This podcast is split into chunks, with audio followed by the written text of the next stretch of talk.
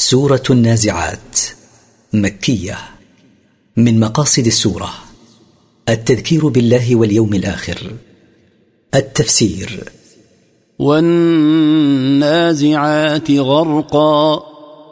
أقسم الله بالملائكة التي تجذب أرواح الكفار بشدة وعنف. والناشطات نشطا. وأقسم بالملائكة التي تستل أرواح المؤمنين بسهولة ويسر. والسابحات سبحا. وأقسم بالملائكة التي تسبح من السماء إلى الأرض بأمر الله. فالسابقات سبقا. وأقسم بالملائكة التي تسبق بعضها في أداء أمر الله. فالمدبرات أمرا. وأقسم بالملائكة التي تنفذ ما أمرهم الله به من قضائه مثل الملائكة الموكلين بأعمال العباد.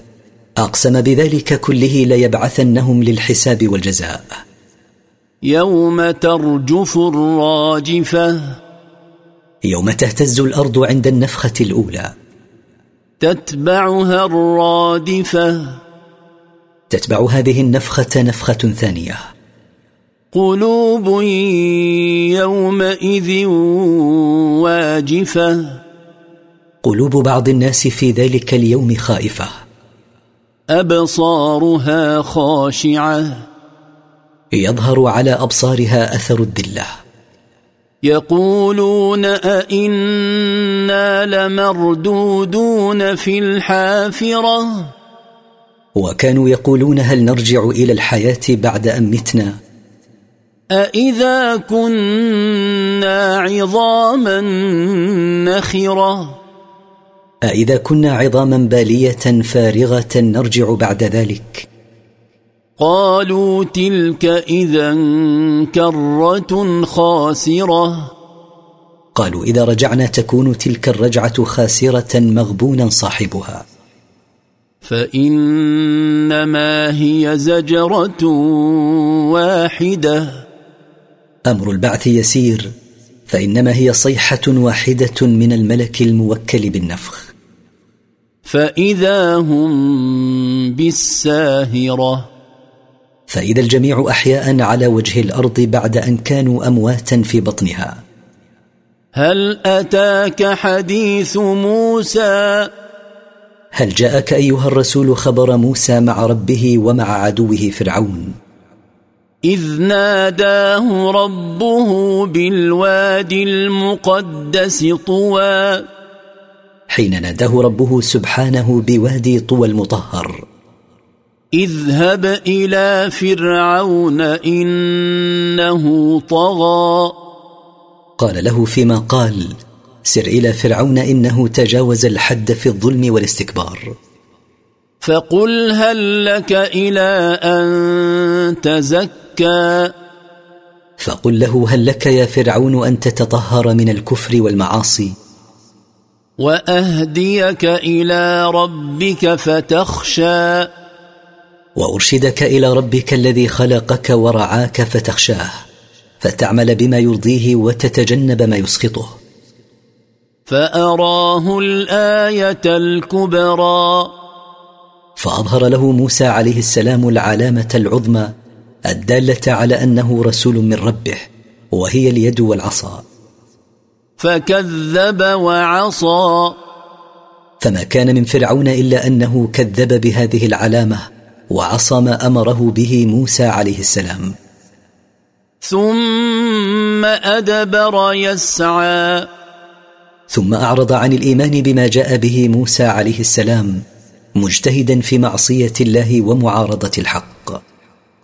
فحشر فنادى.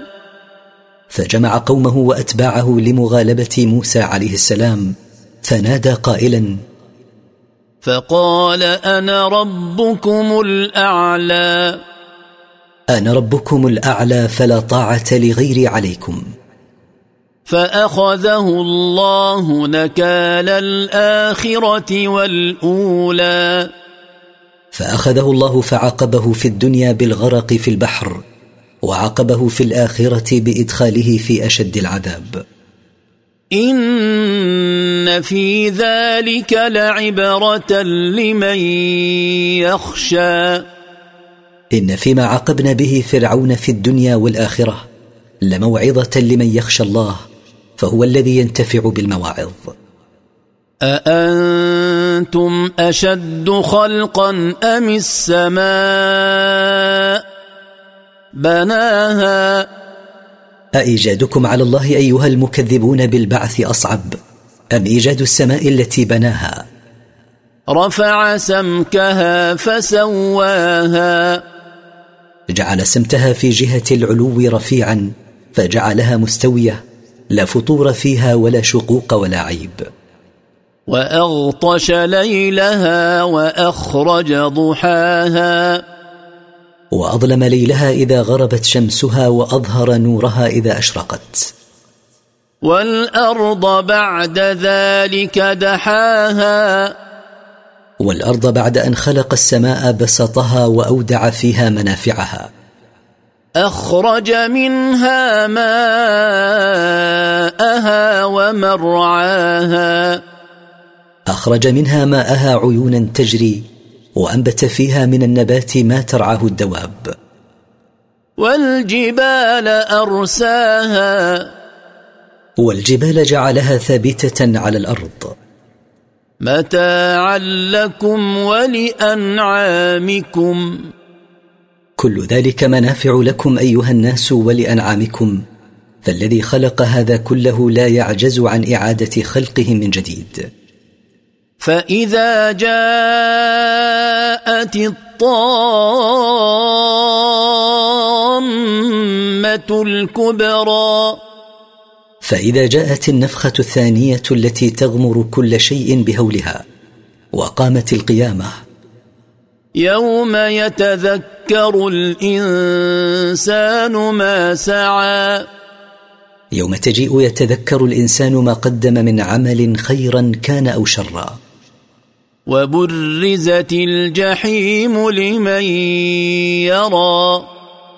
وجيء بجهنم وأظهرت عيانا لمن يبصرها. فأما من طغى فأما من تجاوز الحد في الضلال. وآثر الحياة الدنيا. وفضل الحياة الدنيا الفانية على الحياة الأخرى الباقية. فإن الجحيم هي المأوى. فإن النار هي مستقره الذي يأوي إليه. وأما من خاف مقام ربه ونهى النفس عن الهوى. وأما من خاف قيامه بين يدي ربه وكف نفسه عن اتباع ما تهواه مما حرمه الله فإن الجنة هي المأوى. فإن الجنة هي مستقره الذي يأوي إليه. يسألونك عن الساعة أيان مرساها. يسألك أيها الرسول هؤلاء المكذبون بالبعث متى تقع الساعة؟ فيما أنت من ذكراها. ليس لك علم بها حتى تذكرها لهم وليس من شانك ذلك إنما شأنك الاستعداد لها. إلى ربك منتهاها. إلى ربك وحده منتهى علم الساعة. إنما أنت منذر من يخشاها. إنما أنت منذر من يخشى الساعة لأنه الذي ينتفع بانذارك كأنهم يوم يرونها لم يلبثوا إلا عشية أو ضحاها. كأنهم يوم يرون الساعة مشاهدة لم يلبثوا في حياتهم الدنيا إلا عشية يوم واحد أو بكرته